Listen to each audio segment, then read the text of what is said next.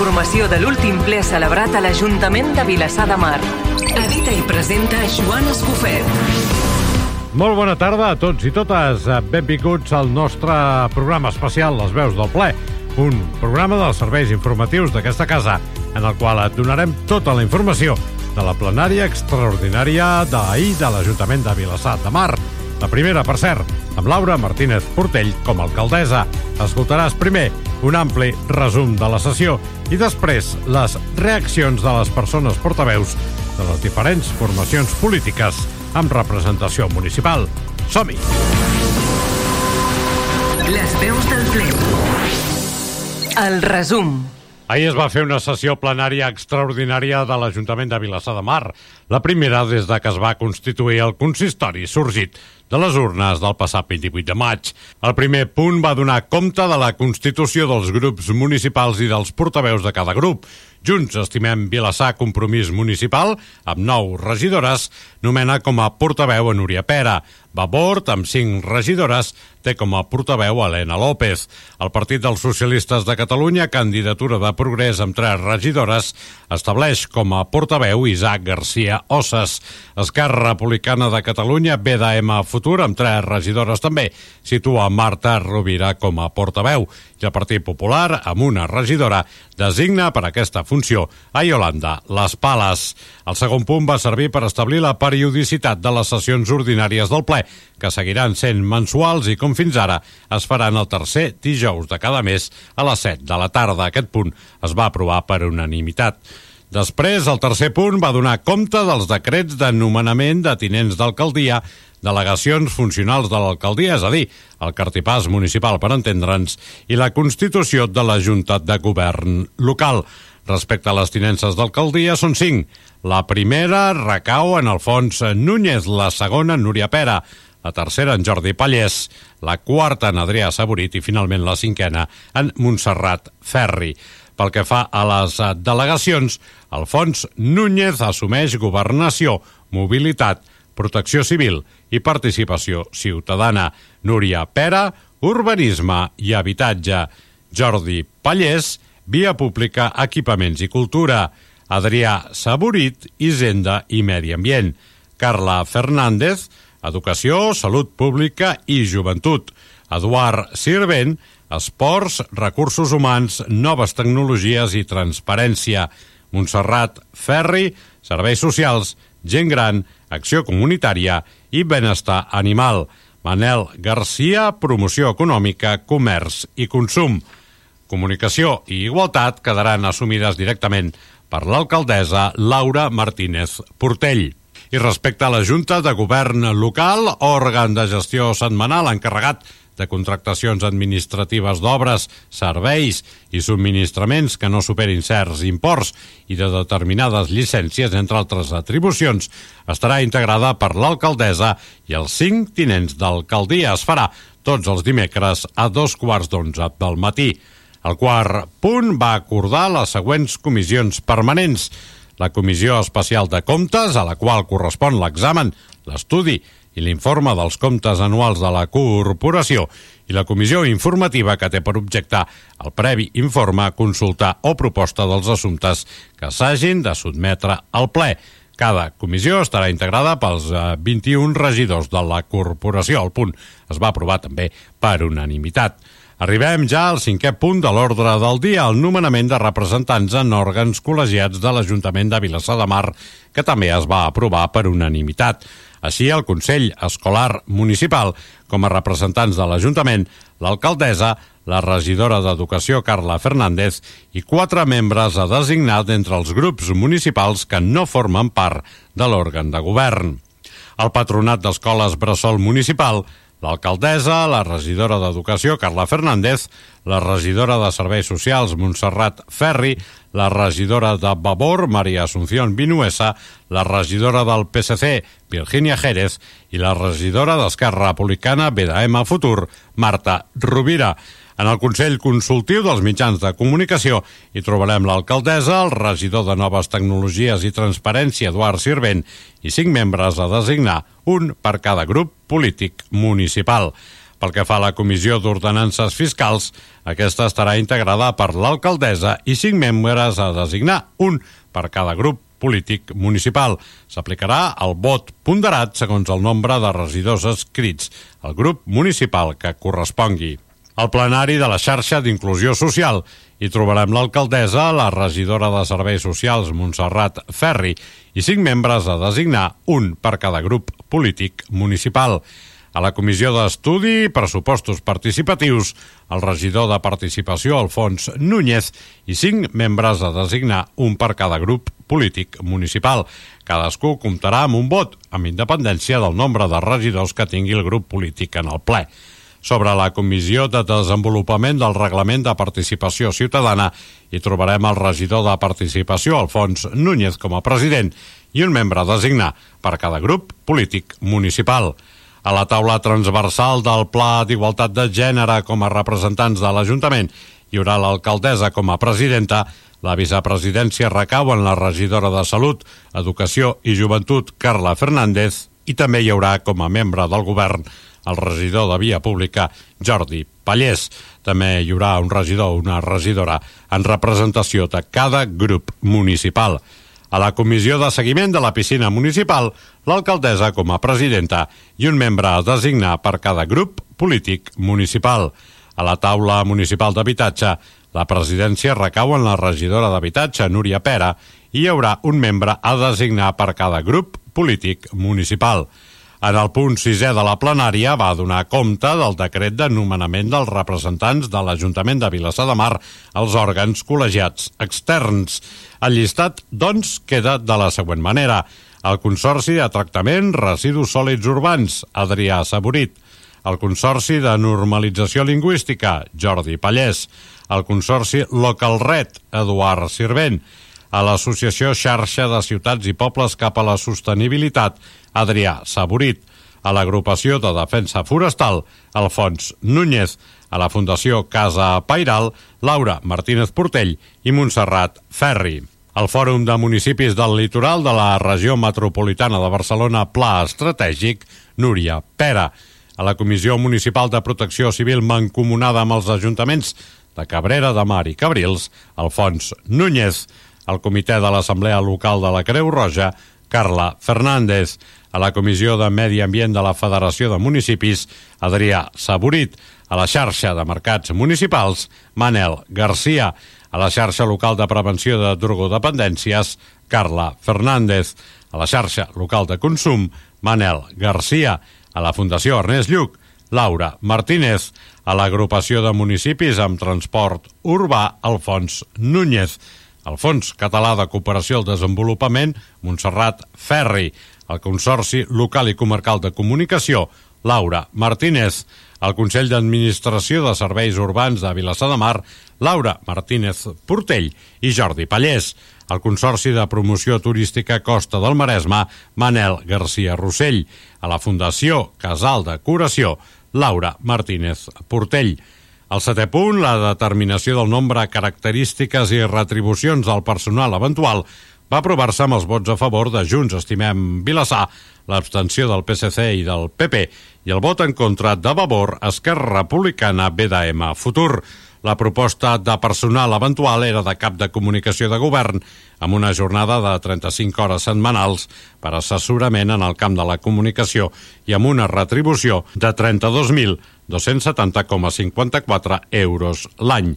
L'alcaldessa va explicar que per població l'Ajuntament de Vilassar de Mar podria tenir fins a 7 persones de personal eventual i que Vilassar de Mar fins ara sempre n'havia tingut una que ara s'havia d'estabilitzar dins la plantilla. En aquest sentit, l'alcaldessa va afirmar que no hi havia la intenció de nomenar en aquest càrrec a ningú, que en el pressupost de 2023 no hi ha partida per dotar-la i que amb aquesta acció només reservava aquesta possibilitat de càrrec de confiança vinculat a l'alcaldia. Des d'Esquerra Republicana, BDM Futur, la portaveu Marta Rovira va assenyalar que per al seu grup s'hauria de prioritzar la figura de gestió i no pas de comunicació. Sempre hem volgut una gerència municipal, va recordar. També va demanar que si l'equip de govern vol millorar la part de comunicació, acceleri la relació de llocs de treball que s'està duent a terme a l'Ajuntament. Des del PSC, el portaveu del grup, Isaac García Osses, també va assenyalar que no era el perfil de personal eventual que esperaven i que consideraven que n'hi havia altres de més necessaris.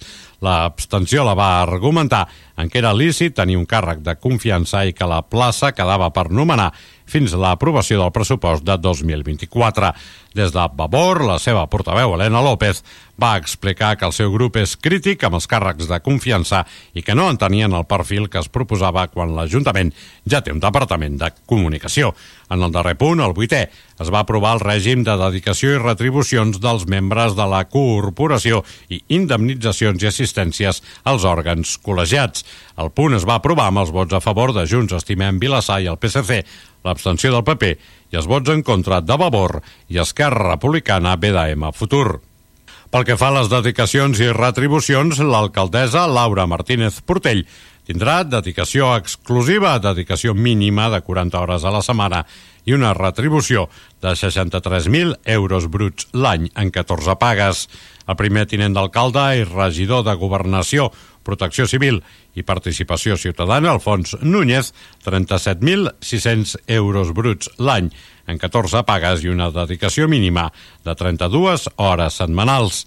El tercer tinent d'alcalde i regidor de Via Pública, Equipaments i Cultura, Jordi Pallés, 44.650 euros bruts l'any en 14 pagues i una dedicació mínima de 38 hores setmanals. El quart tinent d'alcalde i regidor d'Hisenda i Medi Ambient, Adrià Saborit, 23.500 euros bruts l'any en 14 pagues i una dedicació mínima de 20 hores setmanals.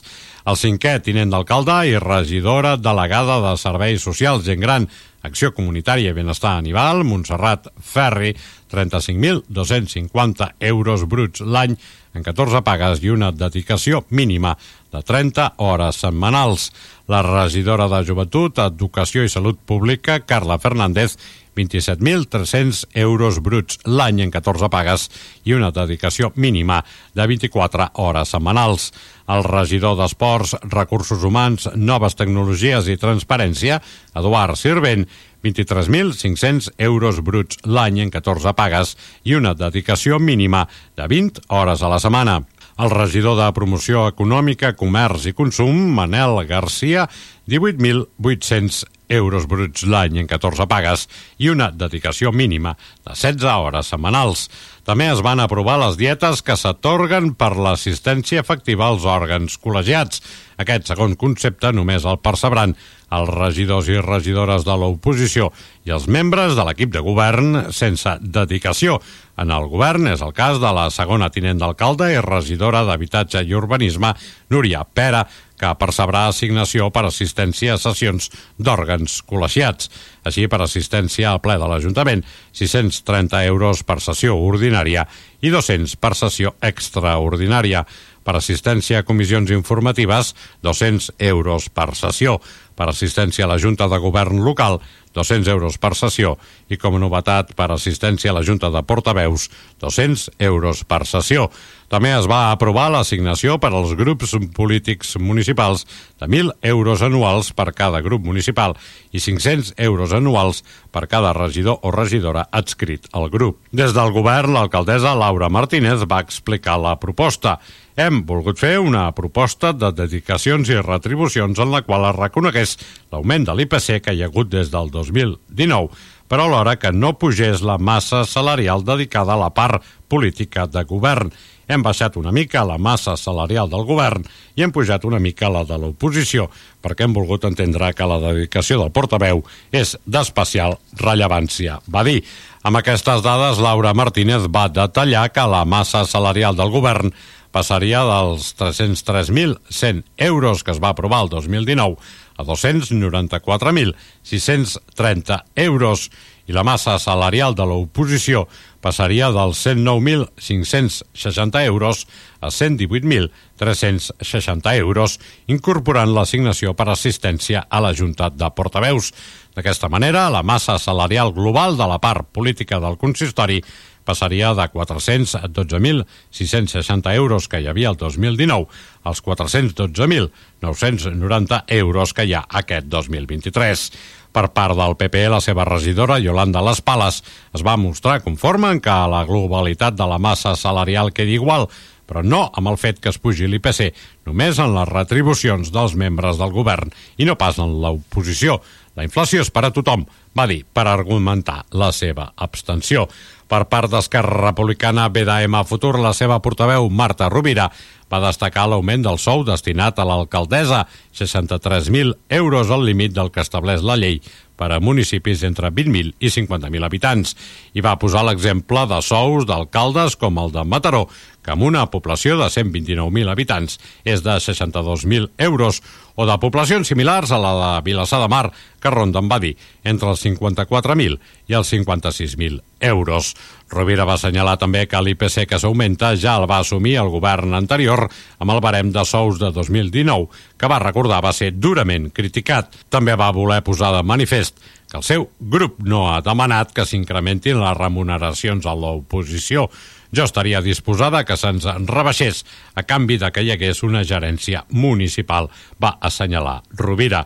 Per part del PSC, el seu portaveu, Isaac García Osses, va destacar que la proposta global, tant per al govern com per l'oposició, feia una contenció de la massa salarial política, tot i ajustar els salaris base del govern a l'augment de l'IPC. Va mostrar-se d'acord en l'augment de les retribucions a l'oposició, nosaltres entenem que és per reconèixer la tasca i l'esforç que es fa, va dir. Tot això va subratllar que els hagués agradat que les retribucions de l'oposició s'haguessin negociat amb temps amb els diferents grups per trobar un consens. García Osses va argumentar el seu vot a favor en considerar que la massa salarial global es congelava. Per part de Vavor, la seva portaveu, Helena López, va recordar que, tot i que la proposta no comporta en termes absoluts un increment respecte a la de 2019. Les retribucions de 2019 van suposar ja un increment a l'entorn del 20-25% de les retribucions de l'equip de govern i també un augment de les retribucions de l'oposició. Helena López va afirmar que la proposta de Junts Estimem Vilassar comporta un increment de les retribucions base de l'equip de govern en un 13,3% i es va preguntar si calia aquest increment sobre unes retribucions, les de 2019, que segons el seu pare ja eren elevades quan la majoria de la població no veu incrementat els seus sous en aquestes proporcions. També va criticar les dedicacions de l'equip de govern que per al seu grup veuen insuficients per atendre les càrregues de treball d'un ajuntament que ha de donar servei a una població de més de 20.000 habitants. En aquest sentit, va posar l'exemple de regidors amb una dedicació del 50% i que al seu entendre dibuixa un govern amb una preeminència de la figura de l'alcaldessa, que és l'única del govern, amb una dedicació completa. Pel que fa a la retribució dels grups de l'oposició, va assenyalar que ells no les han demanat pas i que consideren innecessaris els 200 euros per assistència a les juntes de portaveus. López va assenyalar que sumant els 10.000 euros de més del sou de l'alcaldessa, els diners del 13,3% de l'IPC a tot l'equip de govern, els 8.800 euros dels portaveus i els 32.000 euros de la plaça eventual es tindrien diners per pagar dos auxiliars administratius. Per la seva banda, l'alcaldessa, Laura Martínez, va voler puntualitzar algunes de les manifestacions fetes pels grups de l'oposició. A Vavor li va dir que no s'havia pujat el 13,3% de l'EPC, sinó el 12%, i respecte a les dedicacions de l'equip de govern, va recordar-li que a tot arreu posa que és una dedicació mínima d'hores i no màxima. No volem jugar a fer demagògia tots nosaltres quan decidim dedicar-nos a la tasca política, renunciem als nostres llocs de treball, sigui total o parcialment. També va assenyalar que el sou de l'alcaldessa no és dels més alts que hi ha a l'Ajuntament, ni els dels regidors es corresponen amb el sou d'un tècnic de categoria A1. Prestigiem també la tasca i la dedicació de la gent que ens dediquem a la política, tant des del govern com des de l'oposició, va dir respecte a les xifres que havia donat la regidora Marta Rovira, al respecte que al final del mandat anterior la massa salarial havia disminuït respecte a l'aprovada de 2019, l'alcaldessa li va recordar que la reducció del 2023 també incorporava una reducció de la dedicació de l'anterior alcalde. Jo asseguro una dedicació al 100% de l'alcaldia, va finalitzar Martínez Portell. Les reaccions. Un cop escoltat l'ampli resum de la plenària extraordinària d'ahir al vespre, és moment ara de conèixer les reaccions de les persones portaveus de les diferents formacions amb representació municipal. Com sempre, ho farem de menor a major representació, en funció dels resultats de les darreres eleccions del 28 de maig. Yolanda Les Pales, Partit Popular, s'estrena com a portaveu de la formació conservadora en aquesta legislatura 2023-2024. Intueix, segons ella, que en aquest mandat veurem una coalició entre Vavor i Esquerra Republicana amb l'objectiu, assegura, de dir no a tot. Les Pales recorda l'abstenció del seu partit al nou cartipàs municipal i creu injust pel que fa a la política de retribucions que el govern s'hagi apujat l'IPC i que no ho hagi fet amb l'oposició. Escoltem-la. En primer lugar, queríamos reseñar, como resumen de ayer, que parece que este mandato asistiremos a una pequeña coalición entre Esquerra y Vavor, que creo que va a ser un poco, en principio, no a todo, pero bueno, estará por ver en el resto de los plenos. En cuanto a nosotros, mm, explicamos nuestro voto de abstención a las retribuciones, al cartipacio, eh, sobre el tema de las retribuciones en concreto, y es que si bien no nos ha parecido mal, ya que no aumentó la masa salarial del mandato pasado, sí que nos parece un tanto injusto que hayan aplicado la, la subida del IPC por la inflación que hay a las personas que conforman el gobierno y no así a todos los miembros de, de la oposición. En cualquier caso, no, no nos parecen adecuados estas retribuciones. Per la seva banda, Marta Rovira, portaveu d'Esquerra Republicana BDM Futur, denuncia que l'alcaldessa s'ha pujat, segons ella, el sou en 10.000 euros i que per això el vot de la seva formació va ser en contra. Vam tenir la sorpresa que l'alcaldessa s'ha pujat el sou 10.000 euros respecte a la base salarial de l'alcalde anterior, que a més a més cobrava menys d'aquesta base salarial perquè dedicava un temps al Consell Comarcal. Eh, nosaltres vam votar en contra d'aquesta mesura perquè entenem que la remuneració de l'alcaldia ja estava al mateix nivell que les poblacions semblants a Vilassar de Mar i que ja era prou digna. Eren uns 4.000 euros al mes i ara s'ha pujat a 4.500 euros al mes en total, l'alcaldessa cobrarà 63.000 euros i ens sembla excessiu. Per posar un exemple, això és, el, això és més del que cobrava l'alcalde de Mataró, una població amb 130.000 habitants, al mandat passat. Per altra banda, no entenem la creació d'un càrrec de confiança de comunicació adscrit a l'alcaldia quan l'Ajuntament de Vilassar de Mar el que necessita és estabilitzar el personal de comunicació del propi Ajuntament, per exemple, la ràdio local. I finalment no entenem la posició del PSC, que fa quatre anys va criticar tant les remuneracions del govern i ara, en canvi, vota a favor d'un augment del 12% en la base salarial dels regidors i aquest salari que ens sembla excessiu ens haurien d'explicar molt bé. Torn ara per al PSC. El seu portaveu, Isaac García Osses, també s'estrena en el càrrec en aquesta legislatura que està donant les seves primeres passes.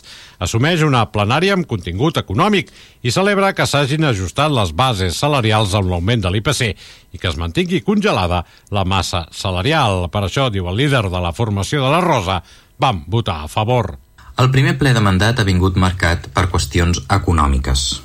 El govern de Junts Estimem Vilassar ens ha presentat la seva proposta de retribucions que implica ajustar els sous de govern a l'IPC i retribuir assistència a la Junta de Portaveus per a l'oposició, que confiem que actui com a tal i no com la pantomima d'aquests darrers quatre anys. Ens hagués agradat, però, que s'hagués treballat amb temps la retribució de l'oposició per tal de trobar alternatives. Des del Partit dels Socialistes considerem positiu que, tot i havent ajustat les bases salarials amb l'augment de l'IPC després de 4 anys, es mantingui congelada la massa salarial i per això vam votar a favor.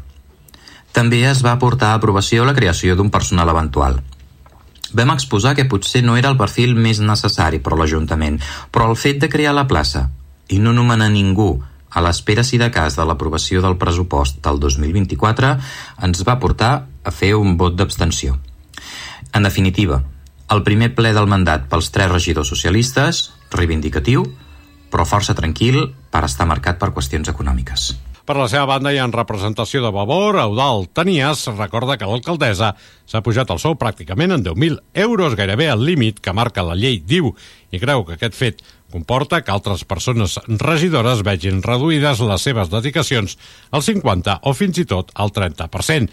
Aquest és un dels motius del vot contrari de Vavor el govern de Junts Estimem va portar la proposta de sous i dedicacions de regidors de l'Ajuntament. Vavor i vam votar en contra. En primer lloc, perquè l'alcaldessa s'apuja el sou gairebé 10.000 euros, pràcticament fins al límit que fixa la llei. Aquest fet, si no es volia incrementar el total de la massa salarial, ha comportat la reducció de les dedicacions de la resta de regidors de govern. Fins i tot hi ha dedicacions del 50 i del 40%. Tot i així, la proposta es va aprovar amb els vots a favor del PSC i l'abstenció del PP. També es va proposar la creació d'una plaça de personal de confiança depenent directament d'alcaldia, que hauria d'ocupar un càrrec com a cap de comunicació de govern. Vavor també hi va votar en contra, perquè les funcions que es plantegen ja són assumides actualment pels professionals de l'àrea de comunicació de l'Ajuntament. I, finalment, volem destacar que sense l'increment del sou de l'alcaldessa, sense l'augment de les percepcions dels portaveus dels grups municipals i sense la creació d'aquest càrrec de confiança, es podrien contractar, per exemple, dos auxiliars administratius. De moment, per això, en lloc d'ampliar la plantilla estructural de l'Ajuntament, com tanta falta fa, el govern municipal de Junts Estimem prefereix crear la figura d'un cap de comunicació, les funcions del qual encara ben bé no sabem quines seran. Malauradament, la proposta va tornar a sortir endavant amb les abstencions del PP i del PSC. Esperem que aquest no sigui el rom que entomi el nou govern de Junts Estimem i que podem treballar conjuntament per posar fil a l'agulla als grans reptes que té Vilassar de Mar. Finalment, en representació del govern, la portaveu Núria Pera, que també s'estrena en aquesta legislatura, ha volgut destacar les aportacions que van fer la resta de partits polítics que va prometre s'estudiaran. Vol deixar clar que mantenen la massa salarial i que no s'ha incrementat, diu el cost polític, sinó que s'ha distribuït d'una manera molt diferent. Escoltem-la. Valorem molt positivament les aportacions que van fer els grups polítics de l'Ajuntament de Vilassar de Mar, sobretot en els dos últims punts de l'ordre del dia on es decidia el personal eventual, les dedicacions, les retribucions i les assistències als òrgans col·legiats. Volem destacar que hem mantingut la mateixa massa salarial del mandat 2019-2023. Per entendre'ns, no hem apujat el cost polític, el que costen els polítics a l'Ajuntament de Vilassar de Mar. El que sí hem fet és una distribució molt i molt diferent de les dedicacions de l'alcaldessa i dels regidors delegats. Tots els grups polítics hi van dir la seva, ho valorem, com deia, molt positivament i procurarem estudiar les seves aportacions. Ara bé, des del nostre punt de vista, no hauríem fet un vot contrari com van fer ERC i Vavor, perquè mantenim la mateixa massa salarial. Segurament hauríem optat per l'abstenció. També volem destacar i agrair el vot de confiança del Partit dels Socialistes de Catalunya. Les veus del ple. Tota la informació de l'última sessió plenària. Aquest ha estat l'ampli resum que els serveis informatius d'aquesta casa t'han fet arribar després de la plenària extraordinària d'ahir. Serà fins una propera ocasió. Jaume Cabot, el control tècnic, redacció. Cristina Lancho i Joan Escofet. Les veus del ple. Un espai dels serveis informatius de Vilassar Ràdio. L'actualitat de Vilassar de Mar la pots buscar a molts llocs, però només la trobaràs a Vilassar Ràdio. Segueix-nos en directe a través de vilassarradio.cat. Hola! Ei! T'agradaria estudiar treballant i treballar estudiant? La teva opció és l'FP Dual. Podràs escollir entre més de 100 titulacions i més de 5.000 empreses per descobrir la teva passió.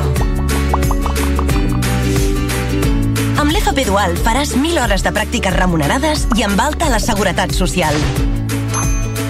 Formaràs part d'un equip de treball, adquiriràs noves competències i tindràs accés a noves tecnologies. Tot això et donarà més oportunitats d'incorporar-te al món laboral. I a més podràs continuar estudiant a la universitat. Si vols estudiar treballant i treballar estudiant, la teva opció és l'FP Dual.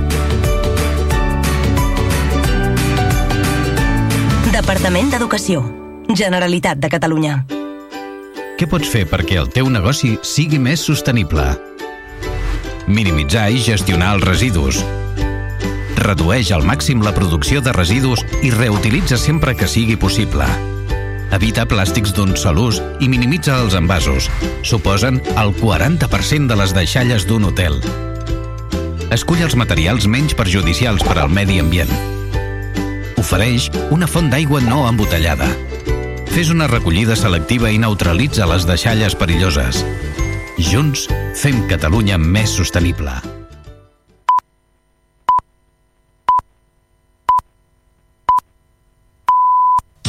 Vilassar Ràdio són les dues de la tarda. Si no ets en vas, on aniràs? Ho recordes? Jo sí.